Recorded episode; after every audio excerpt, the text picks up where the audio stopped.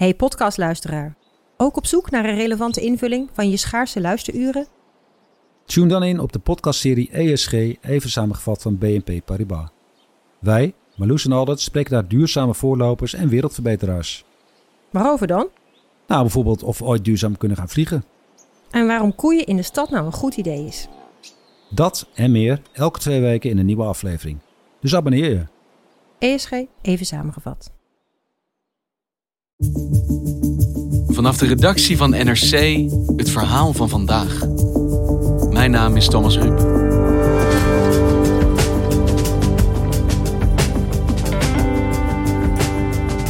Woedende mensen in massa's, traangas, zwaar bewapende soldaten en tanks in de straten.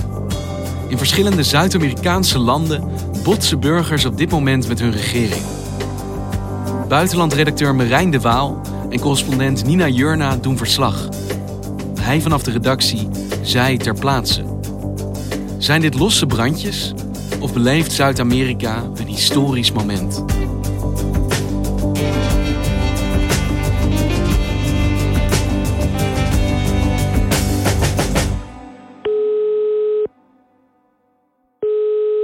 Hallo?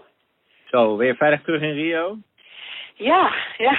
Iets minder traangas in de lucht. Ja.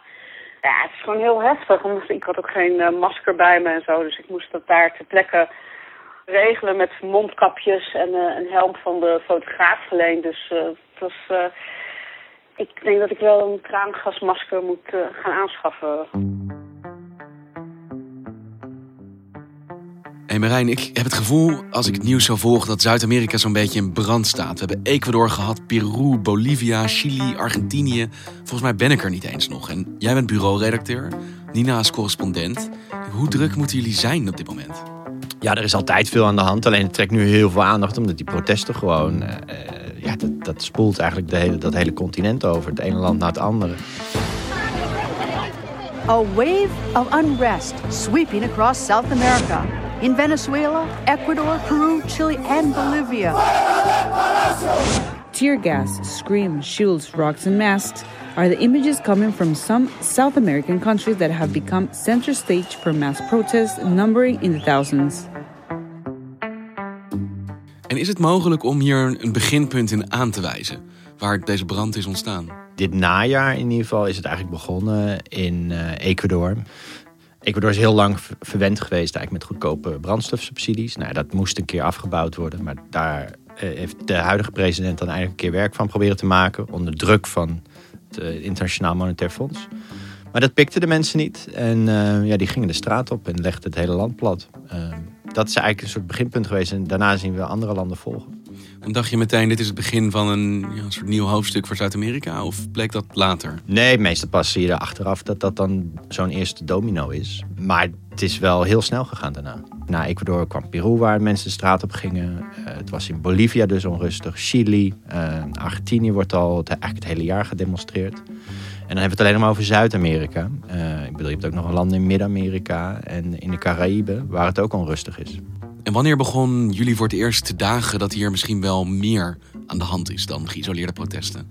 Ik denk eigenlijk Chili. Want kijk, landen als Ecuador, Peru, Bolivia... die hebben best wel een traditie van veel straatprotesten en zo. Terwijl Chili, dat staat bekend eigenlijk als een soort Zwitserland van het continent.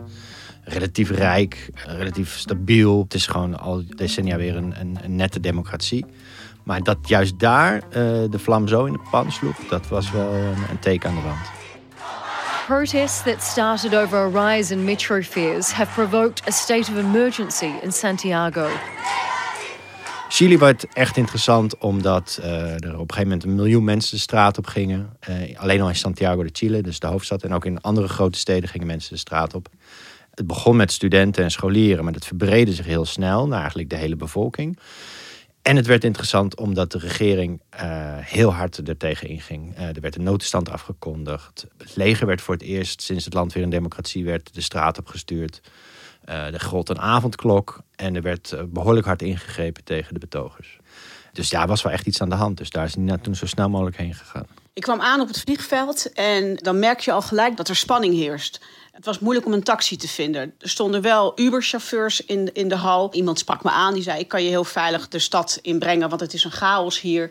Dus die bereidden mij al voor op de chaos. Nina kwam aan in, eh, in Chili en uh, is diezelfde dag nog s'avonds uh, gaan kijken bij de protesten. Er werd op dat moment nog elke dag massaal gedemonstreerd. En daar is ze meteen tussen gaan lopen. En, en ze zei van ja, dit is wel echt massaal. Maar op dat moment waren het vooral ook gezinnen met kinderen die op potten en pannen aan het slaan waren. Want dat is het protest wat je hier in Zuid-Amerika heel veel ziet. Dan gaan mensen met uh, pollepels op pannen slaan om zich hoorbaar te maken. Opvallend veel uh, ja, gewone mensen eigenlijk. En in het begin heel vreedzaam. En ik ben daartussen gaan lopen. Ik had uh, afgesproken met studenten die ik zou ontmoeten. Uh, también los profesores están participando. Sí. Als de schemer intreedt, dan krijg je een, een, compleet andere sfeer van de demonstraties. Dat is me opgevallen. Ik zag op een gegeven moment dat een waterkanon werd ingezet, maar ook traangas. En traangas is een heel efficiënt middel. En uh, wat ik nu in, in eigenlijk de laatste weken in verschillende landen al heb meegemaakt. Uh, hoe heftig het is om midden in zo'n traangasaanval terecht te komen. Maar ik was niet echt goed voorbereid, moet ik zeggen, op die eerste klap van, van, de, van traangas. Dus die confrontatie die zij daar aantrof, die was veel harder eigenlijk dan jullie van tevoren hadden verwacht. Ja, kijk, er waren in die eerste dagen al wel wat doden gevallen. En dat is natuurlijk al redelijk ernstig. Maar goed, die, die president ging er echt keihard in. Die zei, we zijn in oorlog. We sturen het leger de straat op. Er komt een avondklok. En er werd gewoon keihard ingegrepen.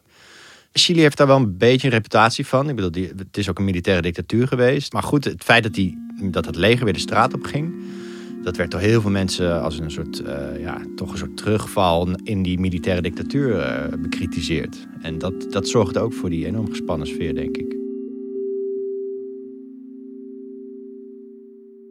Waar ik ook heel erg van onder de indruk was, was hoe zij reageerden op die ME'ers een van die studenten, een meisje, die was in het begin eigenlijk heel erg rustig. Maar op een gegeven moment waren er een aantal ME'ers die stonden bij een hek. En zij ging er naartoe en begon te schelden en te schreeuwen, helemaal woedend. Haar frustratie uiten tegen die ME'ers. En die reageerde ook. Die begon het hek open te trappen en die wilde haar gaan aanvallen. Ik vond dat heel heftig. En wat hebben jullie geleerd van haar bezoek daar? Over wat daar leeft en wat de achtergronden zijn van dit protest? Ja, en je ziet dan toch eigenlijk dat elke generatie daar klaagt over het economisch model wat ze daar hebben. De basis daarvoor is gelegd onder de dictatuur van Pinochet. Uh, een rechtse militaire dictator. Die afrekende met een gekozen linkse president. En die legde eigenlijk het, het, het, dat ultraliberale, neoliberale uh, model, daar legde hij de basis voor. En dat is ook nadat in 1990 Chili weer een democratie werd, is dat eigenlijk altijd zo gebleven. Dat alles is daar geprivatiseerd. Van water tot onderwijs, tot gezondheidszorg, pensioenen. Ja, en die privatisering die is eigenlijk te ver doorgeschoten. Komen Chilenen nu achter. En dat maakt het, het leven gewoon heel duur. En dat dictatoriale verleden waar je het over hebt, heeft dat nog een rol in de manier waarop nu naar deze protesten wordt gekeken in dit land met zo'n specifieke geschiedenis? Ja, juist het feit dat het leger voor het eerst sinds 1990, dus toen Chili weer een democratie werd, nu weer de straat op kwam. Dat, dat, dat was echt voor veel mensen een teken van we worden hier teruggeworpen in de tijd. Dus de betogers die, die, die klaagden daar ook over. Hè. Die zeiden het is 2019, het is niet 1973. Het, jaar dat Pinochet uh, zijn staatsgreep pleegde. Op een bepaald moment uh, liepen we uh, in het centrum voorbij een kerk. En daar hingen allemaal zwart-wit foto's van uh, studenten, jonge mensen, die tijdens de demonstraties uh, gedood waren. Met hun naam, hun leeftijd, wat ze deden, of ze werkten of student waren. Mensen waren kaarsjes aan het branden uh, voor de foto's. En het was heel heftig, omdat het heel erg deed denken aan de dictatuur. Want in die tijd had je dus ook um, dat er foto's werden verspreid, ook zwart-wit foto's van verdwenen mensen. En mensen die zoek waren of vermoord waren. En op diezelfde manier waren deze foto's eigenlijk opgehangen en ook een, eh, ja, eigenlijk afgedrukt.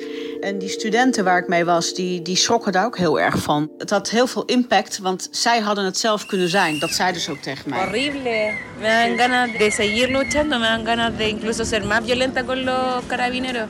En heeft dit protest zin gehad? Heeft het iets teweeggebracht in Chili? Het heeft zeker wat teweeg gebracht. En bijvoorbeeld waar het allemaal mee begon, dat metrokaartje, dat is heel snel ingetrokken, die verhoging. Dat is wel iets. Maar dat was totaal niet meer genoeg. En inmiddels, uh, de belangrijkste eis eigenlijk van de betogers is... we willen een nieuwe grondwet. Want de huidige grondwet die kwam er onder Pinochet. En die verankert eigenlijk dat economisch model wat ze hebben... wat dus voor veel mensen niet werkt. Ze zeggen, als we echt wat willen doen aan ons land... dan moeten we dus een nieuwe grondwet. En die concessie heeft, uh, is er inmiddels ook al doorheen... Dus dat is al een hele belangrijke concessie. Voor de rest, ja, de president heeft zijn kabinet geofferd. Uh, dus dat heeft hij helemaal moeten vervangen. Maar hij vecht echt voor zijn politieke overleven.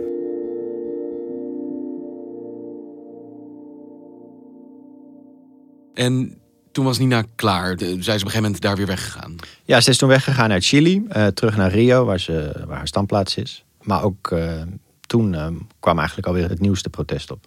Bolivia.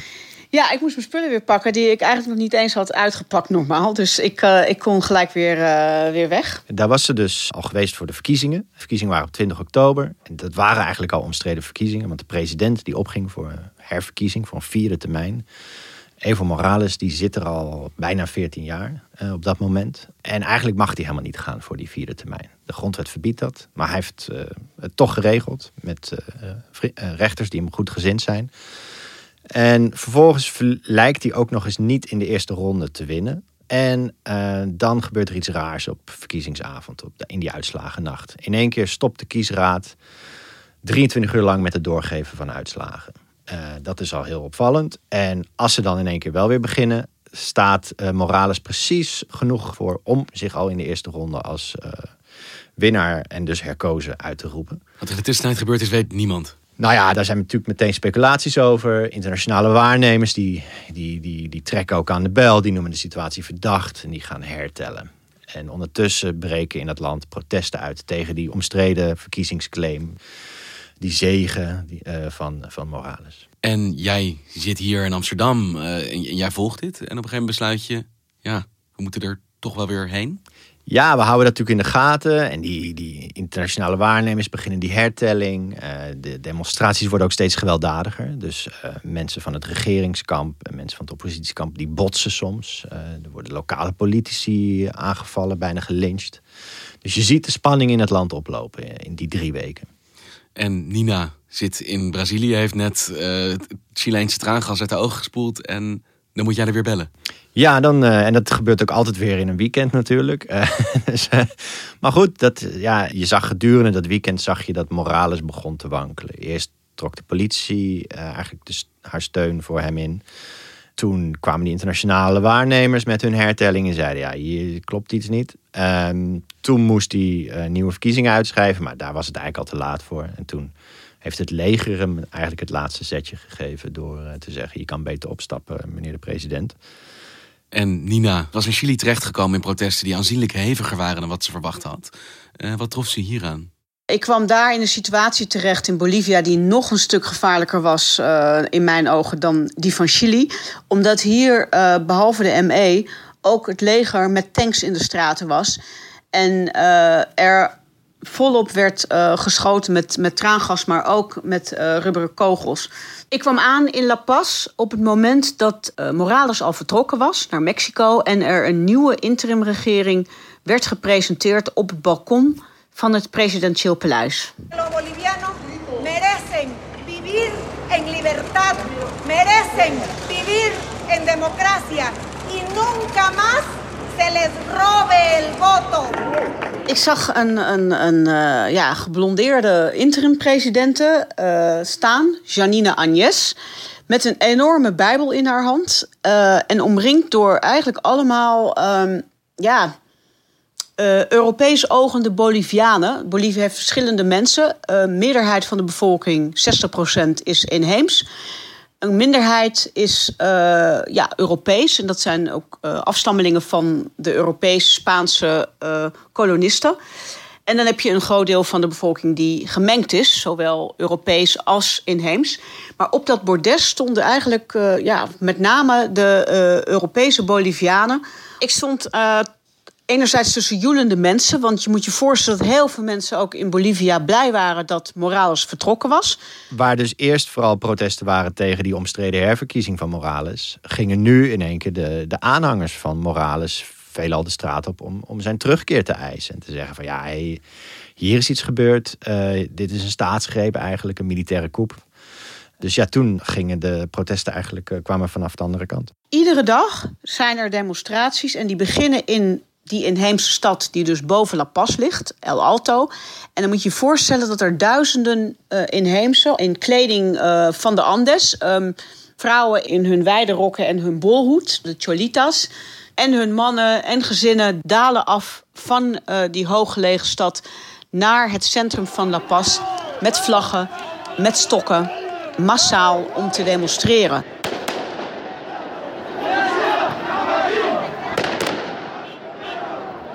En is er iets te zeggen over waar deze protesten heen gaan? In Chili zei je, die hadden zin. Dat leidde echt direct tot verandering. Nou, hier ook in die zin, de president is weg. Maar vervolgens zijn er weer heel veel andere mensen boos over de situatie nu. Wat gaat er daar nu gebeuren? Het is erg voorspelbaar. Er, er moeten nieuwe verkiezingen komen. Maar goed, omdat er zo'n machtsvacuum is, is het onduidelijk wie daaraan mee gaan doen. En er moet ook een nieuwe kiesraad komen, want die heeft dus bij die vorige verkiezingen uh, gesjoemeld. Maar goed, het lijkt mij vooral belangrijk dat er snel verkiezingen komen. Dat het land niet nog maanden en maanden in onzekerheid zit. Uh, en dat er toch een soort dialoog op gang komt. om in ieder geval die verkiezingen dan maar goed te organiseren met z'n allen.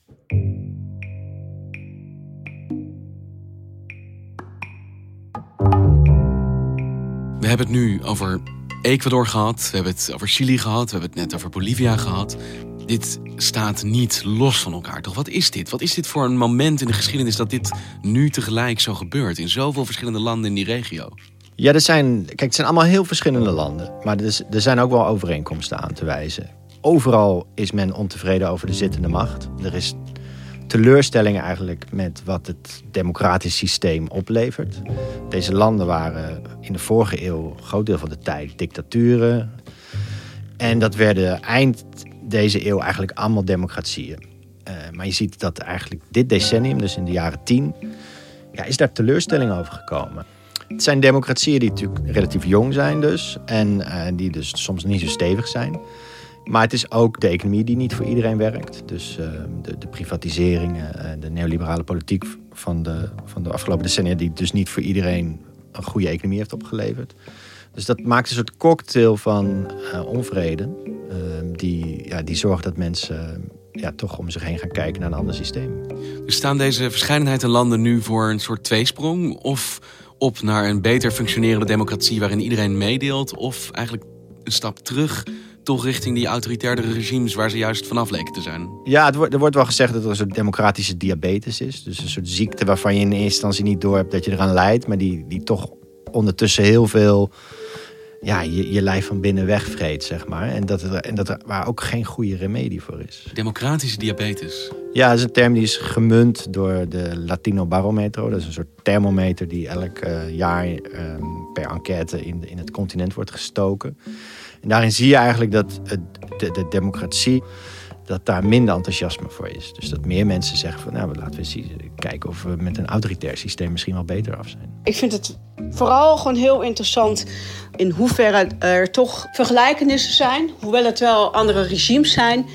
Wat mij opvalt is dat er een, een, een uitbarsting van, van hele oude frustraties dat dat er nu uitkomt. En dat is ook zowel in Ecuador als Bolivia als ook Chili het geval. Dus ik heb echt het gevoel dat ik op dit moment ja, toch wel getuige ben van een historisch moment in, uh, in mijn regio. Nina zegt van dit is wel een historisch moment. Uh, dit is geschiedenis dat hier nu geschreven wordt. Ja, het is, het is wel heel bijzonder dat in zoveel landen tegelijkertijd mensen de straat op gaan. Dus ja, dat maakt het wel heel onvoorspelbaar. Het, het, het is een soort kruispunt. Het kan goed gaan, hè, dat de democratieën door een soort groeipijn heen gaan en volwassener worden.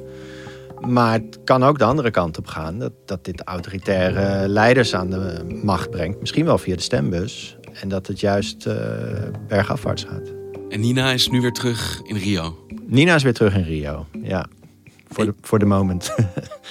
Ja, wat wordt het volgende land waar je haar uh, heen gaat sturen? Ik, ik weet het niet. Ik denk, hij zei wel van, uh, al van, nou ja, uh, als er verkiezingen komen in Bolivia, dan, ja, dan moet je daarheen. En hij heeft ook al, tipte ook al van, heb Peru in de gaten, want daar gebeurt ook weer van alles.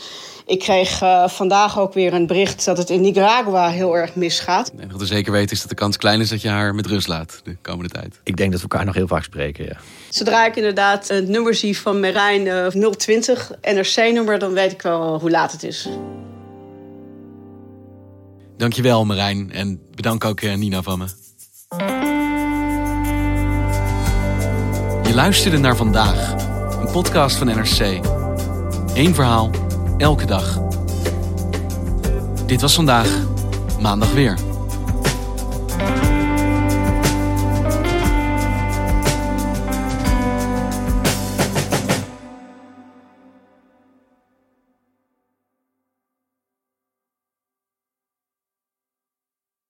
Technologie lijkt tegenwoordig het antwoord op iedere uitdaging. Bij PwC zien we dit anders. Als we de potentie van technologie willen benutten, kunnen we niet zonder een menselijk perspectief. Human-led, tech-powered noemen we dat. Ga naar pwc.nl.